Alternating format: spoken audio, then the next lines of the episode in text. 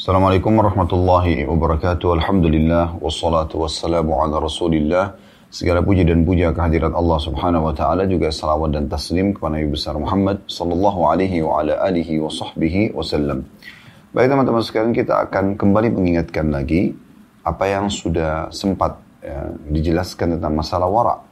Wara artinya seseorang itu bagaimana menjaga hubungan baiknya dengan Allah Subhanahu wa taala. Bagaimana dia fokus kepada apa yang diperintahkan, fokus kepada apa yang dibolehkan, dan dia mengerjakan apa diperintahkan, serta juga uh, menikmati apa yang dihalalkan. Dari sisi lain, dia berusaha meninggalkan semua yang dilarang. Apakah itu haram, apakah itu makruh, bahkan sampai pada hal yang syubhat. Artinya, belum jelas statusnya. Apakah itu boleh atau tidak dalam agama Islam. Dan kita sudah menjelaskan pada pertemuan yang lalu dua buah ayat Al-Qur'an ya, dalam surah An-Nur ayat 15 yang bunyinya wa tahsabunahu hayyinan wa huwa 'indallahi 'azim. Kalian mengira bahwasanya itu remeh pada padahal di sisi Allah ya, padahal dalam pandangan Allah itu adalah sangat besar. Ya, tentu ini berbicara tentang masalah tuduhan yang keji kepada Ummul Mukminin Aisyah anha bahwasanya beliau berzina dengan Safwan radhiyallahu anhu. Dan ini tidak benar, tentu sudah kita bahas panjang lebar. Kemudian juga ada yang diangkat oleh Imam Rahimullah surah Al-Fajr ayat 14 Inna rabbaka labil mirsad yang artinya sungguhnya Tuhanmu benar-benar mengawasi. Jadi ini ayat ini pendek tapi luar biasa dalam maknanya. Bagi orang-orang yang ada seperti biji sawi saya dari keimanan dalam hatinya, dia akan hati-hati dengan ayat ini. Sesungguhnya Tuhanmu benar-benar mengawasi. Jangan sampai kita berpikir Allah subhanahu wa ta'ala tidak mengetahui apa yang kita lakukan, apa yang kita niatkan, apa yang kita sembunyikan. Tapi Allah subhanahu wa ta'ala mengetahui semuanya. Walaupun tentu semua itu masih terselimuti dengan Allah itu maha pengampun bagi hambanya yang taubat. Tapi sebaiknya setiap muslim dan mukmin harus lebih hati-hati. Juga kita sudah jelaskan hadis yang pertama dalam bab ini, hadis nomor 593 Kembali saya ingatkan isi hadisnya tentunya. Dan tidak kita panjang lebar lagi paparkan tentang syarah karena uh, ini yang kita sudah paparkan panjang lebar pada pertemuan yang lalu yaitu sabda Nabi SAW dari hadis Nu'man bin Bashir radhiyallahu anhu beliau dan ayahnya adalah sahabat. Innal halala bayyinun wa innal harama bayyinun bainahuma wa bainahuma mushtabihat. La ya'lamuhunna katsirun minan nas. Faman ittaqa faman ittaqa asy-syubuhat istabra'a li dinihi wa 'irdihi ومن وقع في الشبهات وقع في الحرام كالرائي يرأى حول الحمى يوشك أن يرتاع فيه ألا وإن لكل ملك حمى ألا وإن حمى الله محارمه ألا وإن في الجسد مضغة إذا صلحت صلح الجسد كله وإذا فسدت فسد الجسد, الجسد كله ألا وهي القلب Artinya, sesungguhnya yang halal itu sudah jelas. Ini kata Nabi SAW. Jadi kalau seorang muslim cari yang halal, semua sudah dijelaskan. Dan yang haram pun sudah jelas. Artinya semua yang di, di, tidak dibolehkan dalam agama sudah dijelaskan oleh Nabi SAW. Dan di antara keduanya ada hal-hal yang samar. Boleh nggak sih? Gitu kan. Diperintahkan atau tidak sih? Gitu. Yang tidak diketahui oleh banyak oleh orang-orang. Barang siapa yang menjauhi syubhat, berarti dia telah membersihkan agama dan kehormatannya. Ragu-ragu aja, kalau dia tinggalkan berarti dia telah menyelamatkan agama dan juga kehormatan dirinya. Dan barang siapa yang terjatuh dalam syubhat, ragu-ragu ini boleh nggak sih gitu. Tetapi tetap dia lakukan, maka dia terjatuh ke dalam yang haram. Seperti seseorang pengembala yang mengembala di sekitar tanah lapangan, dia bisa terpelosok ke dalamnya. Ketahuilah bahwa setiap raja memiliki tanah larangan, dan ketahuilah bahwa tanah larangan Allah adalah hal-hal yang diharamkannya. Ingatlah, sesungguhnya dalam jasad itu ada segumpal daging, Apabila ia baik, maka baiklah seluruh jasadnya. Dan apabila ia rusak, maka rusaklah seluruh jasad. Ingatlah, ia adalah ya jantung. Hadis ini diriwayatkan oleh Bukhari dan Muslim. Jadi kalau kita bagi hadis ini menjadi tiga bagian ya, supaya lebih jelas. Potongan yang pertama adalah penjelasan tentang masalah halal sudah jelas dan haram sudah jelas. Jadi kalau seorang muslim mau belajar tentang agamanya mana yang boleh mana tidak boleh sudah jelas semuanya. Dan ini akan terjaga sampai hari kiamat nanti sudah jelas semuanya. Dari makanan babi haram, minuman khamr haram, semuanya jelas. Apa yang diperintahkan wanita wajib berhijab, muslimin wajib sholat, puasa, dan seterusnya zakat, haji dan ya, ini bagi yang mampu hajinya dan zakatnya juga ini juga sudah jelas. Ya. Sudah jelas semuanya perbuatan-perbuatan haram seperti zina, riba, jelas. Tidak ada sesuatu yang samar gitu. Nah, tapi ada di antara itu hal-hal yang syubhat. Makna daripada syubhat ya, adalah belum jelas hukumnya. Karena hadisnya jelas ya. Hadis yang disampaikan oleh Nabi Shallallahu Alaihi Wasallam ini bisa kita bagi menjadi tiga bagian. Potongan pertama adalah dan ini sudah dipelajari pada pertemuan yang lalu. Hadis nomor 593. Sesungguhnya yang halal sudah jelas dan haram sudah jelas dan di antaranya ada hal yang samar-samar. Dan banyak manusia tidak mengetahui hal samar tersebut.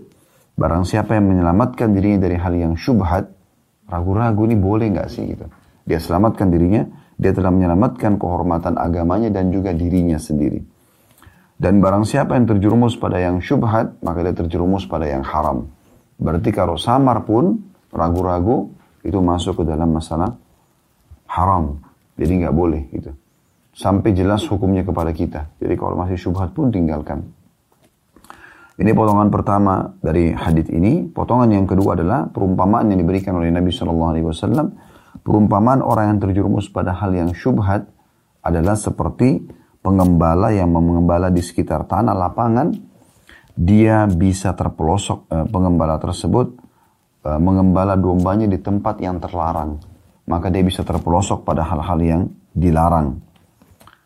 Jadi eh, syubhat itu seperti orang yang bawa domba-dombanya ke satu tanah lapang yang tidak jelas tanah ini punya siapa. Tetapi dilarang. Ya. Dalam arti kata, karena tidak ada orang lain, cuma dia sendiri yang mengembara situ, berarti dia dilarang sebenarnya.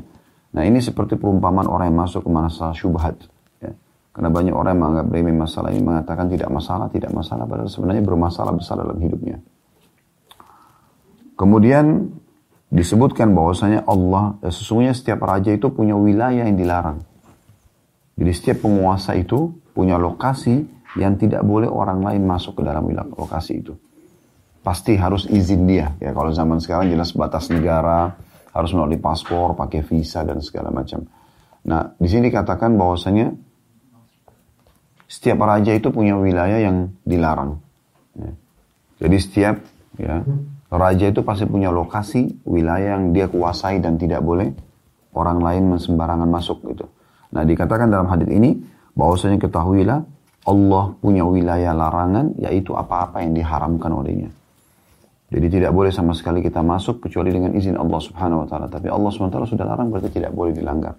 Orang kalau mulai masuk kepada hal yang dilarang yang haram ataupun syubhat berarti dia harus siap menghadapi konsekuensi hukum gitu.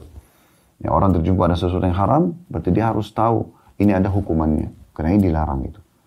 Dan perlu kami jelaskan dan tekankan teman-teman sekalian, apa yang Allah perintahkan untuk dikerjakan dan dinikmati dari yang halal, maka memang dipelajari untuk dinikmati dan dikerjakan. Dan apa yang dilarang oleh Allah Subhanahu wa taala, maka itu berarti dipelajari untuk dijauhi, bukan untuk dicoba. Jadi nggak perlu kita mengatakan misalnya, oh babi itu haram, baik saya mau coba dulu rasanya. Nggak perlu. Nggak perlu kita mengatakan, oh zina itu haram, bagaimana rasanya zina itu? Kita nggak butuh. Kita perlu hanya pelajari dan tinggalkan. Dan dalam hadis ini sangat peka. Bahwasanya termasuk dalamnya adalah hal yang syubhat. Kita ragu saja, tinggalkan. Karena kata Nabi SAW, syubhat itu berarti lebih kepada yang haram. Diberikan tadi gambaran seperti orang-orang yang mengembala dombanya di tanah lapang yang terlarang. Dia coba-coba saja, berarti dia bisa kena konsekuensi hukum. Gitu kan. Kemudian potongan ketiga dari hadis adalah Nabi SAW mengatakan ketahui dalam jasad manusia itu ada satu gumpal darah. Kalau dia baik maka akan baik semua tubuhnya. Kalau dia buruk maka buruk semua. Itu adalah jantung manusia. Dan ini maksudnya adalah eh, kalau seseorang itu betul-betul mau dekat dengan Allah Subhanahu wa taala, mau menyelamatkan mau menjaga sifat waraknya. Warak itu maksudnya tadi menjaga kesucian hubungan dengan Allah Subhanahu wa taala, maka dia tidak boleh ya terjerumus dirinya pada hal yang haram, termasuk dalamnya adalah hal yang syubhat. Termasuk dalamnya adalah hal yang syubhat. Jadi hadis ini bukan jadi bahasan kita pada kesempatan ini, karena hadis ini adalah mereview kembali apa yang dibahas pada pertemuan yang lalu. Gitu. Jadi dalam bab wara ini, hadis yang sudah dibahas yang lalu adalah ya, nomor 593. Dan kita akan masuk pada pagi ini insya Allah hadis nomor 594. Saya langsung bacakan berbunyi dari Anas radhiyallahu anhu. Anna Nabi sallallahu alaihi wasallam wajada tamratan fi tariq. Anni akhafu an takuna min as-sadaqati la akaltuha. Hadis ini riwayat Bukhari Muslim. Terjemahannya Anas radhiyallahu anhu mengatakan bahwasanya Nabi sallallahu alaihi mendapatkan atau menemukan satu butir kurma di jalan. Maka beliau bersabda, seandainya aku tidak khawatir bahwa kurma ini adalah kurma berasal dari sedekah, maka pasti aku akan memakannya. Ini adalah lafaz hadisnya. Makna umumnya hadis ini adalah masuk dalam bab wara yang sedang kita bahas. Sekali lagi wara adalah menjaga hubungan baik dengan Allah Subhanahu wa taala. Bagaimana kita selalu menjadi seorang hamba yang patuh, mengerjakan semua perintah wajib ataupun sunnah dan menikmati yang halal, juga kita meninggalkan semua yang dilarang apakah itu sifatnya haram ataupun makruh, atau juga hal-hal yang meragukan atau syubhat. Maka ini namanya wara. Makin kita menjaga kesucian hubungan ini kepada dengan Allah SWT, maka makin melingkar, melimpahlah karunia yang Allah berikan kepada kita. Dari nikmat keimanan dalam hati, keselamatan, ya, dari segala macam mara bahaya, di dunia diberikan kebahagiaan, juga di akhirat akan diberikan surga yang mulia, yang kekal di dalamnya. Jadi ini makna wara. Makna hadis ini Nabi SAW mencontohkan.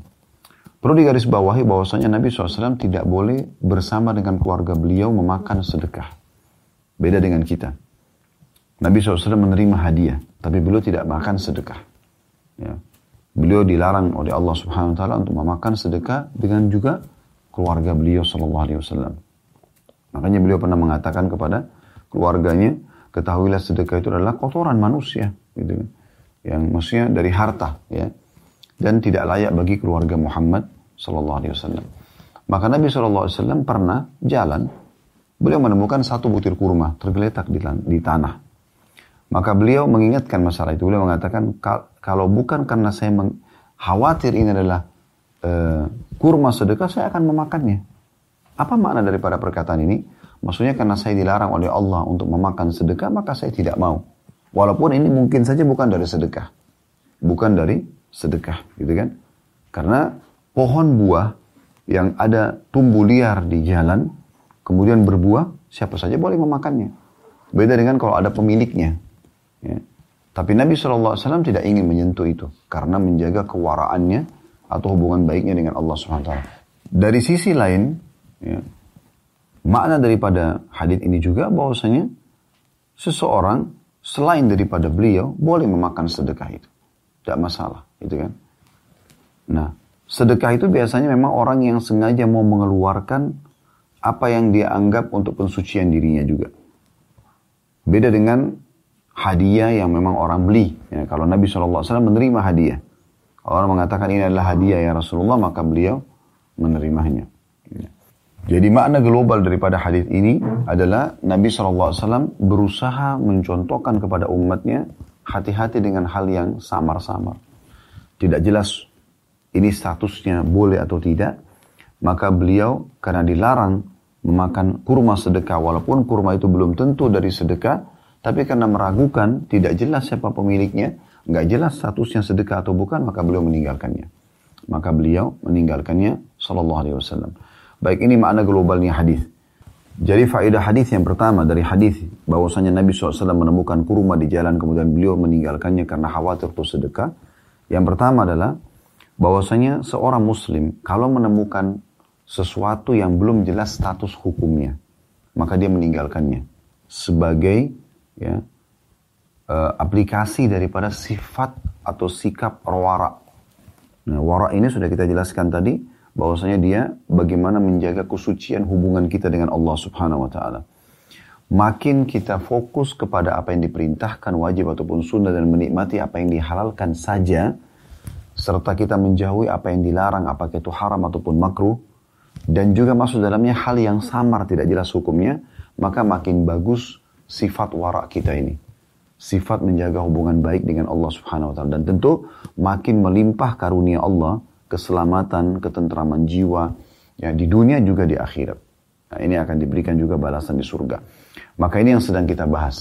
Nah, Nabi SAW di hadis nomor 594 sekali lagi menemukan satu butir kurma di jalanan karena beliau khawatir adalah kurma sedekah sementara beliau dan keluarganya dilarang makan sedekah maka beliau meninggalkan dan beliau menekankan kalau ini bukan kurma sedekah maka tentu sudah aku makan.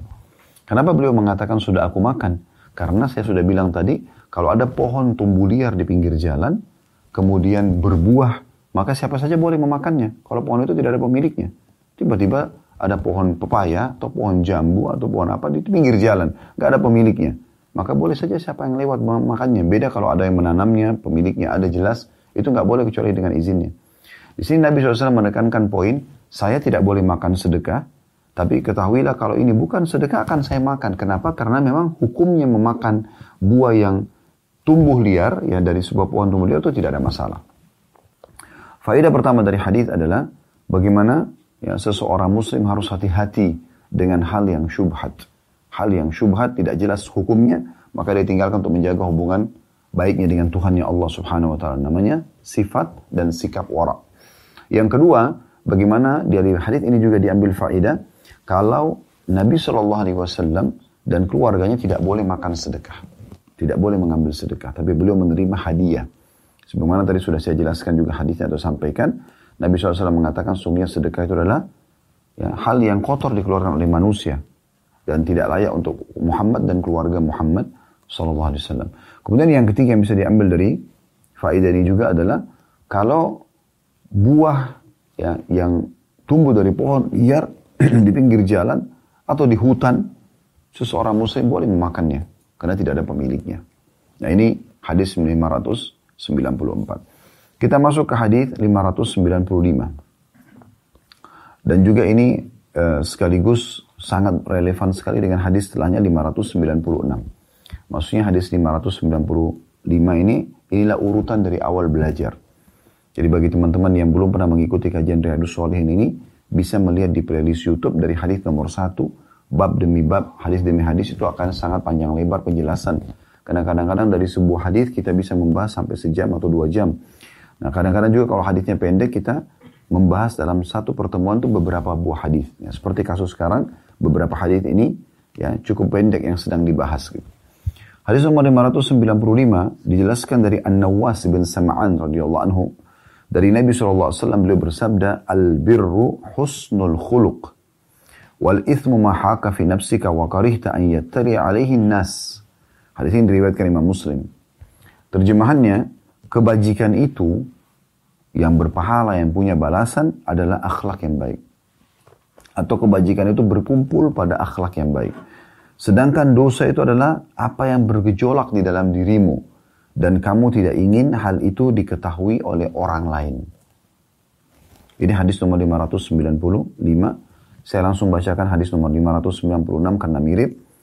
Dari Wasibah atau Wabisa dari Wabisa bin Ma'bad radhiyallahu anhu beliau berkata ataitu Rasulullah sallallahu alaihi wasallam faqal ji'tu tas'alu 'anil bir maaf saya ulangi faqala ji'ta tas'alu 'anil bir qultu na'am فقال istafti قلبك البر ما اطمأنت إليه النفس واطمأن إليه القلب والإثم ما حاق في النفس وتردد في الصدر وإن أفتاك الناس وأفتوك حديث ini diriwayatkan oleh Ahmad dan Darimi dengan sanad Hasan. Terjemahannya, Wabisa bin Ma'bad radhiyallahu berkata, aku mendatangi Rasulullah SAW suatu hari dan beliau bertanya, apakah kamu datang ingin bertanya masalah kebajikan? Maka kata Wabisa, iya. Lalu beliau SAW mengatakan, ya, mintalah fatwa kepada hatimu. Kebajikan itu adalah apa yang jiwamu merasa tenang terhadapnya dan hatimu juga mantap terhadapnya. Sedangkan dosa itu adalah apa yang bergejolak dalam hatimu dan melahirkan keraguan-raguan di dalam dada. Meskipun manusia memfatwakan kepadamu dan meskipun mereka memberikan fatwa kepadamu. Ya. Dua buah hadis ini berhubungan dengan masalah atau masuk dalam masalah bab wara. Bagaimana menjaga kesucian hubungan dengan Allah subhanahu wa ta'ala. Secara global, hadis ini kita bagi menjadi dua bagian. Penjelasan umumnya dulu. Yaitu tentang masalah kebajikan itu akan nampak dan bisa dinilai dari seseorang melalui akhlaknya. Sudah umum, akhlak itu adalah ramah, santun, sopan, ya, dermawan, jujur, amanah, tanggung jawab. Ini semua akhlak-akhlak. Ini kalau ada pada seseorang, pastikan ada kebajikan pada dirinya. Gitu kan. Dan dia akan mudah untuk mengamalkan sisa daripada syariat yang ada gitu. Kemudian juga eh, bagian yang lain adalah penjelasannya atau secara global tentang masalah kalau ada sebuah hukum yang kita belum faham, ada sebuah hukum yang belum kita faham, ini kira-kira halal atau tidak sih? Dan memang belum ada penjelasan di situ ulama atau belum ada ada mungkin yang menjelaskan tapi belum sampai kepada seluruh umat. Ini kalau masih belum jelas, maka kata Nabi SAW kepada wabiswa sahabat Nabi ini, tanyakan kepada hatimu. Kalau hatimu tenang, berarti kebajikan. Kalau hatimu tidak tenang, berarti itu adalah dosa. Walaupun seluruh manusia sudah memberikanmu fatwa. Nah ini makna global daripada hadis. Lebih dalam kita bahas teman-teman dengan faidahnya. Faidah hadis. Faidah hadis dari 595 dan 596 yang pertama adalah semua kebajikan ada pada akhlak seseorang. Dan perlu kita tahu bahwasanya Rasulullah Sallallahu Alaihi Wasallam itu diutus memang untuk menyempurnakan akhlak-akhlak yang mulia. Sebagaimana sabda beliau Sallallahu Alaihi Wasallam, Inna mabu itu mima makarimal akhlak. Aku diutus memang untuk menyempurnakan akhlak yang sempurna, yang baik gitu. Jadi semua yang baik-baik ini santun, ramah segala macam berarti memang itu adalah bagian daripada perintah Nabi Shallallahu Alaihi Wasallam. Dan dalam surah Al-Qalam ayat empatnya, ya, Allah Subhanahu wa taala memuji nabinya Muhammad sallallahu alaihi wasallam sambil atau pada seraya berfirman wa innaka la'ala khuluqin azim. Sesungguhnya kamu benar-benar memiliki akhlak yang mulia. Jadi secara alami Nabi SAW itu punya akhlak yang mulia. Santun, jujur, amanah, tanggung jawab. Sampai beliau mendapatkan dua predikat langsung, dua uh, julukan langsung di Mekah ini. As-sadiku al-amin. As-sadiq itu artinya orang yang sangat jujur dan amin sangat terpercaya. Gitu. Dan itu satu Mekah meyakini masalah itu. Jadi pernah terjadi Nabi wassalam waktu awal beliau masuk ke perdagangan. Kemarin saya sempat jelaskan di sebagian kajian sirah kita waktu menuju ke Taif. Ya, kalau Nabi SAW masuk perdagangan dari umur 21 tahun sampai beliau dinobatkan jadi nabi di umur 40 tahun. Itu kurang lebih 19 tahun Nabi SAW berdagang. Sebelumnya dari umur 8 tahun setelah pamannya, setelah pak kakeknya belum Talib meninggal sampai umur 21 tahun ini kurang lebih 13 tahun beliau mengembala kambing gitu kan. Nah, waktu masuk ke perdagangan Nabi SAW pernah berdagang di pasar Ukaz di Mekah ini. Ada pasar namanya Ukaz. Kemudian beliau di, e, didatangi oleh seseorang yang membeli semua barangnya. Langsung membeli semua barang. Dan pada saat membeli barang semuanya ini, orang itu bilang, ya, saya titipkan ya, ya Muhammad, saya titipkan barang ini. Ya. Dan e, saya mau tawaf dulu. Orang itu tawaf. Setelah itu orang itu pulang kampungnya lupa barang yang telah dibeli dari Nabi Shallallahu Alaihi Wasallam. Dan orang itu teringat teman-teman setelah tiga hari. Setelah tiga hari. Orang itu lalu balik ke Mekah, dia baru ingat karena dia baru beli. Uh, dia sudah beli barang tiga hari yang lalu dari seseorang di Mekah namanya Muhammad. Waktu itu belum jadi Nabi, masih umur 21 tahun. Maka dia kembali ke pasar Ukas, dia temukan Nabi dalam posisi yang sama. Berdiri menjaga barang itu. Maka dia mengatakan, Hai Muhammad, apa kau jaga barangku seperti ini dari tiga hari yang lalu? Kata dia, iya. Kau telah meletihkanku. Kata Nabi SAW. Ya. Maka dengan kejadian ini, maka tersebarlah. Kalau Nabi SAW itu adalah orang yang betul-betul jujur. Jadi gara-gara itu dapat julukan gitu. Nah, julukan ini terus melekat pada Nabi SAW karena beliau dikatakan dalam buku-buku sejarah belum pernah bohong sekalipun. Memang tidak pernah bohong gitu. Apa adanya, beliau bicara apa adanya. Dan beliau mengatakan memang dalam banyak hadis-hadis beliau, beliau mengatakan Sesungguhnya jujur itu adalah ketenangan jiwa, kebohongan itu adalah keraguan dalam kehidupan. Dan beliau sudah mengatakan, ya, ucapkan kebenaran walaupun itu pahit. Tidak ada masalah. Gitu kan? Itu sifat dasar seorang mukmin.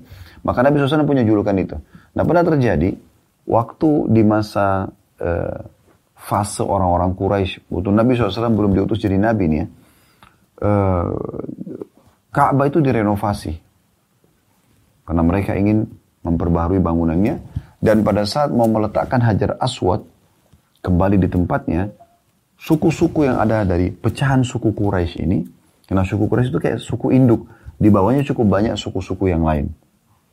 Kayak misalnya sukunya Umar bin Khattab, suku Adi, ya. Uh, kemudian ada suku di, di, diambil juga diistilahkan dengan Bani Hashim, Bani Indan itu itu suku-suku banyak di Mekah. Nah mereka ini rupanya uh, berebut siapa yang meletakkan kembali Hajar Aswad. Mereka berebut siapa yang meletakkan kembali Hajar Aswad. Jadi Hajar Aswad itu dianggap satu hal yang mulia sekali, maka ya, siapa yang meletakkan pasti akan dikenang sepanjang masa gitu. Maka tiba-tiba saja suku-suku ini ada yang memulai, yaitu dengan cara mereka memotong seekor domba, kemudian darahnya dituang di dalam sebuah bejana, lalu orang-orang suku-suku ini mencelupkan telapak tangan mereka dan mengangkat sambil mengatakan, siapa yang Eh, meletakkan hajar aswad selain suku kami maka akan terjadi pertumpahan darah.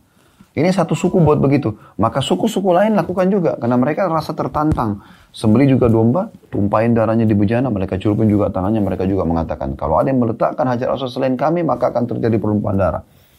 Akhirnya hampir semua suku begitu. Maka beberapa tokoh-tokoh Quraisy berpikir, ini kalau dibiarkan jadi masalah nih. Maka mereka cari siapa yang dituakan di situ. Kira-kira apa solusinya, apa jalan keluarnya gitu. Ya, apa jalan keluarnya. Maka pada saat itu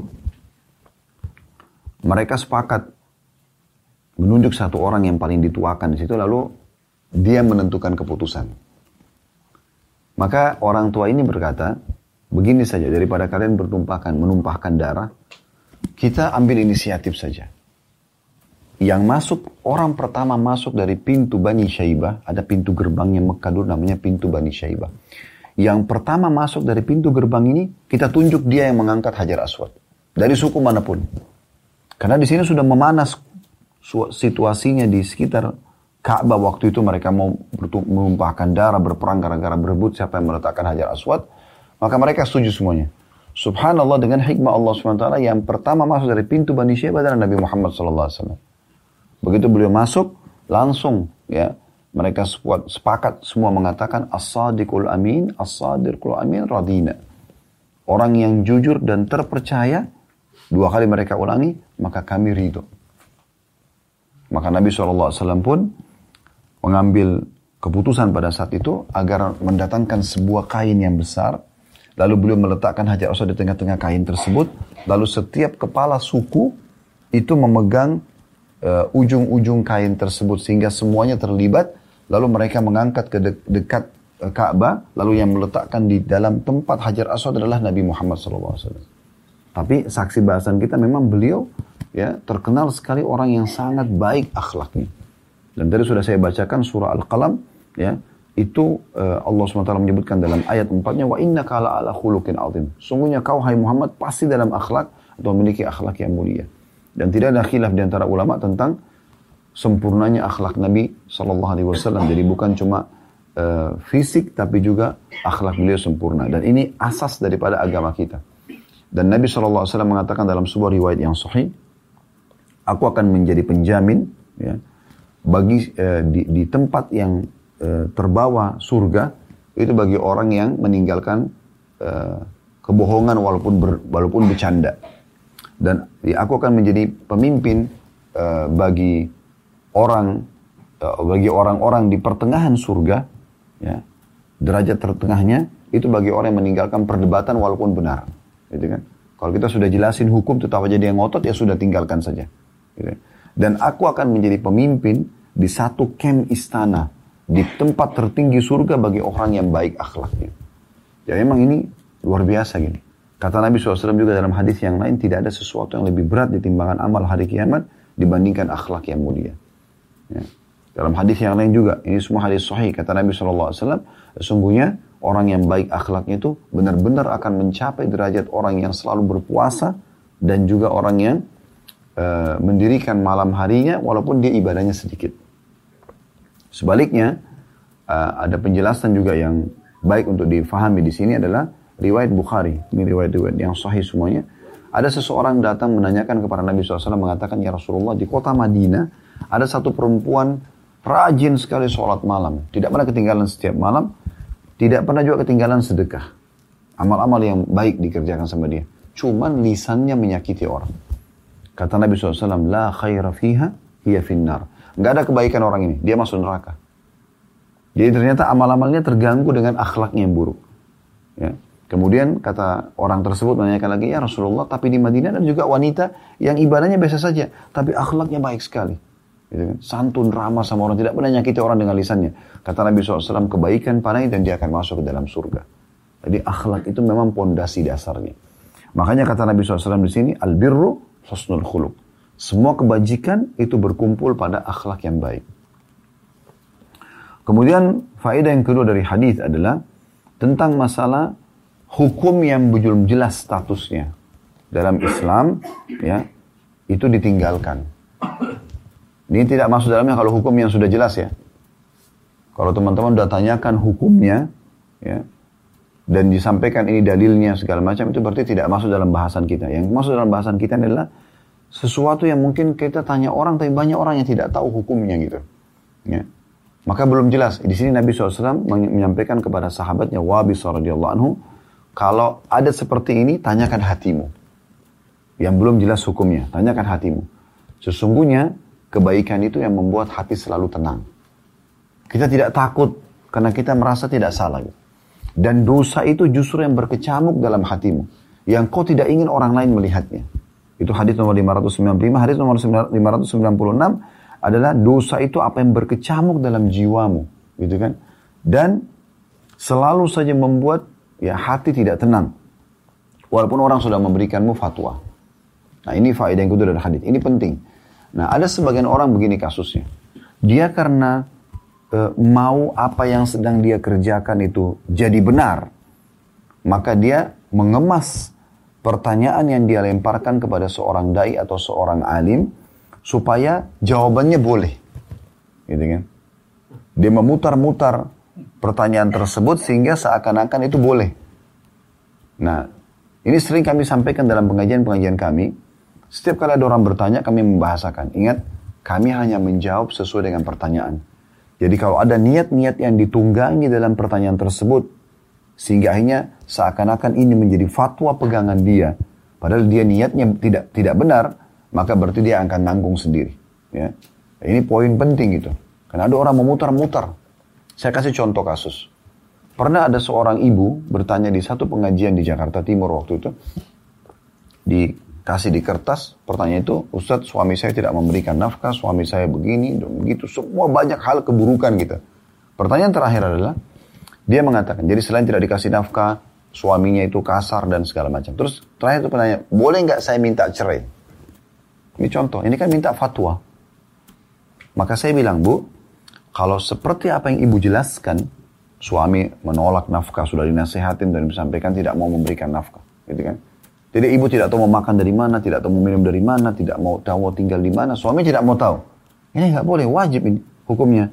Kata Nabi SAW, kafal lil mari ithman ayudayi yakutu. Sangat berat hukumannya bagi orang yang meninggalkan apa yang wajib dia nafkahkan. Maksudnya suami di sini. Atau orang tua kepada anak. Maka e, ini tidak boleh. Kalau betul sudah diingatkan tapi suami tidak mau tahu, sudah boleh. Suami misalnya di sini juga dikatakan ya misalnya tidak bertakwa kepada Allah atau sering bermaksiat atau apa saja gitu kan. Makanya juga tidak boleh. Sudah diingatkan belum? Kalau sudah diingatkan tetap tidak mau dengar maka boleh bercerai. Maka saya bilang ini yang saya jawab sesuai dengan pertanyaan ibu itu. Ternyata teman-teman sekalian yang terjadi sekitar mungkin setengah jam setelah itu ada satu bapak menghubungi saya. Ya. Kemudian dia, Assalamualaikum Ustaz, Waalaikumsalam. Saya Fulan bin Fulan gitu. Saya bilang, iya kenapa Pak? Dia bilang, tadi Ustaz di pengajian ada nggak seorang wanita yang nanya ini dan itu? Maksudnya pertanyaan yang tadi itu. Yang katanya suami tidak kasih nafkah, suami kasar, suami gini dan begitu. Saya bilang, iya ada. Tapi saya tidak ingat siapa orangnya. Karena memang melalui kertas kita juga tidak ya tahu namanya pun siapa gitu. Dia bilang, Ustaz itu istri saya. Dan dia tidak benar. Gitu. Saya ada bukti-bukti kalau saya memberikan nafkah, bahkan saya sudah siapin rumah, saya siapin mobil. Cuma memang dasarnya dia ini mau cari fatwa supaya boleh cerai. Gitu. Supaya boleh cerai. Maka saya mengatakan kalau gitu itu Bapak selesaikan saja urusannya itu. Kalau perlu saya bawa kepada Ustaz bukti-bukti yang saya bilang, saya nggak perlu. Saya cuma tahu menyampaikan sesuai pertanyaan ibu. Kalau ini tidak benar, maka dia bertanggung jawab di sisi Allah SWT. Nah, tapi ini contoh saja, ada orang sengaja merekayasa untuk membenarkan sikapnya. Gitu kan? Untuk membenarkan. Mungkin pekerjaannya dia syubhat, mungkin pendapatannya syubhat, mungkin pergaulannya syubhat, gitu kan? Tapi dia mengemas supaya ada fatwa, oh Ustaz sana mengatakan boleh. Nah, ini berbahaya sekali. Makanya Nabi SAW mengatakan itu. Bagi satu hukum yang belum jelas hukumnya, kemudian ditanya dan dikemas ya supaya bisa menjadi benar, maka itu nanti kata Nabi SAW, dosa itu yang bergejolak dalam jiwamu, ya, walaupun kau telah menanyakan fatwa kepada orang-orang atau kau telah diberikan fatwa oleh mereka.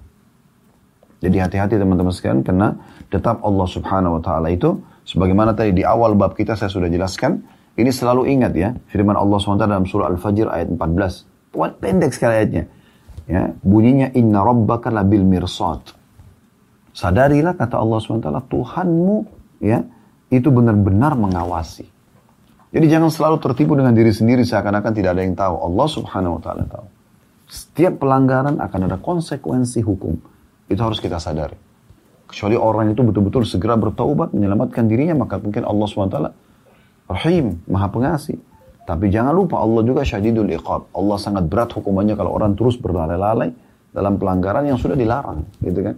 Kenapa masih harus terjerumus? Karena teman-teman sekalian, Allah Subhanahu wa taala menyiapkan untuk kita hal-hal yang baik dan yang halal dan yang baik itu jauh lebih banyak.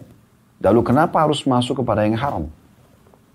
Allah haramkan babi. Gak boleh makan babi ya. Allah lihatkan ini babi itu rupanya begini, namanya dalam bahasa Indonesia ini, bahasa Inggris ini, bahasa Arab ini, supaya manusia tahu ini tidak boleh.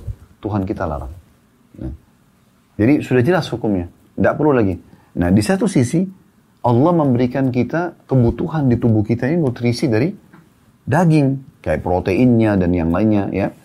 Sebagaimana ini sekarang? Maka Allah ganti. Allah ganti dengan sapi, kambing, ayam, kelinci, semua hewan laut halal. Gitu kan? Berarti yang halal lebih banyak. Kenapa harus babi? Nah tadi di awal pertemuan saya jelaskan, kalau Allah sudah haramkan teman-teman, tidak usah kita kita tidak usah kita coba karena tujuan yang haram itu dipelajari untuk dijauhi, gitu kan? Gak boleh kita bilang oh babi haram, terus gimana rasanya? Kenapa diharamkan? Itu nggak perlu. Orang mukmin itu sudah selesai. Haram berarti tidak boleh. Sama dengan anda masuk di perusahaan, lalu pimpinan perusahaan mengatakan ini loh kalau dikerjakan satu dua tiga empat lima dapat ini, ini gajinya, ini bonusnya. Dan ada pelanggaran, kalau ini ini ini maka akan kena hukuman es eh, apa di, dikasihkan ya ya dikasih surat peringatan ya SP1 SP2 dan seterusnya nah ini teman-teman sekalian kita nggak perlu kalau kita menjadi pegawai yang benar yang cerdas nggak mungkin kita sengaja coba-coba melanggar ah nggak apa-apa deh gitu kan kita juga lihat di kampus misalnya kalau teman-teman mahasiswa itu atau mahasiswi itu kalau yang prestasi pasti dia akan yang dia kejar prestasinya dia nggak usah coba-coba, ah coba-coba deh kayaknya kalau saya tidak hadir bisa ditegur bisa enggak. Ini kan masuk dirinya pada hal yang bisa menjurumuskan dirinya pada hukuman. Untuk apa? Seseorang muslim itu harus jelas jalurnya. Yang boleh boleh, yang tidak boleh tidak boleh, selesai. Yang halal dinikmati, yang haram tinggalkan. Nah, masuk dalam hal yang haram ini syubhat. Nah ini yang selalu kita tekankan ini. Syubhat, tidak jelas hukumnya tinggalkan saja. Karena hadis tadi yang pertama kita bahas 593, kata Nabi SAW, dan siapa uh, dan di antara halal dan haram itu ada hal yang syubhat sampai menyelamatkan diri dari hal yang syubhat dia telah menyelamatkan kehormatan agama dan dirinya dia dan sampai menjerumuskan dirinya pada yang syubhat terjerumus pada yang haram ya, ini yang diingatkan oleh Nabi alaihi salatu wassalam nah di sini juga dikatakan wa karihta an yang yattali'il alaihi nas cara kita mau tahu dosa itu atau tidak juga ya coba Eh, jadikan ini sebagai tolok ukur. Mau nggak orang lain lihat? Seperti contoh misal, maaf, kalau ada orang buka handphone, nonton film yang tidak benar. Apa yang terjadi kira-kira? Pasti dia tidak mau orang lain lihat kan? Ada orang lewat langsung ditutup. Kenapa? Karena dosa. Kalau dia lagi nonton ceramah, biar seribu orang yang lewat dia nggak takut kan? Nah itu. Jadi sebenarnya bisa jiwa itu bisa berbicara, ya, memberikan jawaban kepada kita gitu, memberikan jawaban kepada kita. Nah seperti itu. Ini yang Nabi SAW bahasakan dengan lafaz yang sangat jelas. Kalau dosa itu adalah sesuatu yang kau tidak ingin orang lain mengetahuinya. Gitu kan. Kita eksklusif sendiri. Kalau itu kebaikan tidak akan pernah kita malu. Nah ini poin juga yang ditekankan di dalam hadis ini. Jadi diingat juga potongan akhir dari sabda Nabi SAW di nomor 596. Wa in aftakan nasu wa aftau. Walaupun kau minta fatwa sama orang atau mereka telah memfatwakan untukmu. Kalau tetap itu adalah dosa akan bergejolak dalam hatimu. Selalu ragu. Saya pernah hadapin beberapa orang jemaah yang datang dan mengatakan, Ustadz, saya sudah tanya dengan ustadz ini, ustadz itu, ustadz ini, ustadz itu, tapi saya belum tenang. Loh kenapa belum tenang? Satu orang sudah cukup sebenarnya, gitu kan? Atau mungkin kalau ada perlu ditambahkan mungkin dalilnya satu orang lagi, sudah cukup. Tapi kalau lima sepuluh ustadz ditanya, berarti ada masalah dengan pertanyaan dia nih. Berarti dia yang harus berintrospeksi diri. Ada masalah, kenapa? Kenapa kok fatwa tidak pernah cukup buat dia? Nah ini yang Nabi SAW bahasakan. Karena memang dasarnya dia sedang mengemas sesuatu yang dia mau itu dibenarkan. Itu tidak boleh. Contoh yang lain juga tentang masalah yang diharamkan itu seperti khamar, minuman keras tidak boleh. Gitu kan? Karena memabukkan dan segala macam. Dan ini diistilahkan dengan ummu khaba'ith. Induknya pelanggaran gitu loh. Kenapa? Karena orang kalau Sebelum mabuk, mungkin dia tidak mau berzina, mungkin dia tidak mau memerkosa, mungkin dia tidak mau mencuri, tidak mau membunuh. Tapi orang kalau mabuk bisa lakukan semuanya, gitu kan. Baik Allah haramkan khamr, tapi Allah buat tubuh kita butuh cairan. Allah halalkan air, ya sirup, madu, susu, kan banyak yang lain. Nah kenapa harus khamr? Kadang-kadang orang bilang, tapi kan hukumnya belum jelas nih, alkoholnya cuma sekian persen. Loh kenapa ini? Kenapa kok tidak kembali kepada kaidah dasar? Ma'askara kathiru faqalilu haram.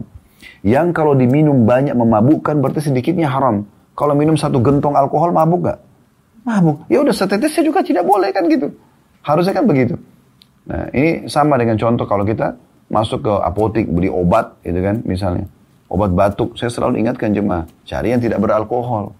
Karena banyak herbal-herbal segala macam. Selebihnya tawakal dan berdoa kepada Allah SWT disembuhkan. Karena kalau masuk ke bab ini jadi masalah. Minimal dia syubhat, apalagi kalau dasarnya memang sudah bahannya haram.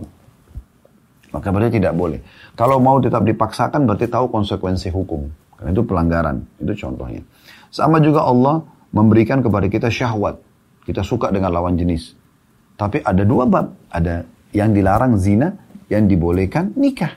Kan nikah sama zina bedanya cuma kalimat akad dua saksi wali. Ya itu proses kurang dari lima menit saya nikahkan kamu sama anak perempuan saya Fulana binti Fulana, saya terima nikahnya selesai. Dua saksi dan juga ada walinya perempuan. Sekarang terjadilah interaksi biologis. Karena pernikahan adalah interaksi biologis. Ya, itu tidak mungkin tidak. Sekarang karena kalau tidak ada ini tidak ada populasi manusia, gitu kan? Harus tertuang sperma ke dalam rahim seorang wanita, ketemu dengan sel telur baru terbentuklah gumpalan darah dan seterusnya sampai jadi manusia sebagaimana sudah kita tahu itu. Nah kalau Allah tidak kasih syahwat tidak mungkin. Maka tidak akan terjadi populasi manusia. Tapi Allah ajarin nikah yang benar, zina yang salah. Gitu kan? Ini terus subhanallah beda sekali. Orang kalau menikah, kemudian terjadi interaksi biologi, semua orang senang. Dia senang, pemilik sperma senang, pemilik sel telur juga senang. Maka berpengaruh pada kualitas bayinya nanti yang merupakan generasi manusia. Dan juga mereka dapat pahala dengan interaksi biologis halal. Kalau hamil, dua-duanya senang, keluarganya senang ya namanya juga harum. Perempuan hamil kalau jalan tidak akan pernah malu kalau ditanya sama orang, ibu hamil ya? Iya. Dari suaminya, gitu kan. Tapi kalau zina, dilakukannya sembunyi-sembunyi. Diikuti dengan ketakutan. Berpengaruh pada kualitas sperma yang merupakan bibit manusia juga sel telur nanti kantong manusia itu. Juga kalau hamil, maka akhirnya malu dua-duanya. Malu keluarganya. Dan anak yang lahir tidak jelas statusnya. Dikenal dengan anak zina atau anak haram. Eh kan jadi masalah semua ini. Nah jadi kenapa nggak yang halal? Kenapa harus yang haram? Kalau seandainya Allah berikan kita syahwat bergejolak, tapi Allah tidak kasih kita bab nikah, wajar orang melanggar. Kalau Allah berikan kita kebutuhan cairan di tubuh kita dan tidak ada ya, semua cairan tidak boleh kita minum, maka wajar orang masuk pada yang haram. Atau Allah berikan kita butuh dengan daging, butuh dengan makanan, tapi semuanya Allah haramkan. Maka di sini wajar orang melanggar. Tapi kita sudah fahami tadi, yang halal jauh lebih banyak dibandingkan yang haram. Haram itu cuma sebagai ujian saja sebagai bentuk ujian saja diuji apakah kita mau patuh atau tidak gitu. seperti itu gambarnya inilah hadis yang kita bahas berhubungan dengan masalah uh, bab wara bab wara jadi kita sudah jelaskan tiga buah hadis 594 bagaimana Nabi SAW tidak mau memakan kurma yang ditemukan di pinggir jalan karena takut itu adalah syubhat kemudian hadis 595 dan Dimas 96 menjelaskan tentang masalah akhlak itu ya adalah inti daripada semua kebaikan dan dosa itu apa yang berkecamuk dalam jiwa seseorang walaupun sudah menanyakan fatwanya di sana sini. Allahu a'lam. Subhanakallahumma bihamdika asyhadu an la ilaha illa anta wa atubu ilaik. Assalamualaikum warahmatullahi wabarakatuh.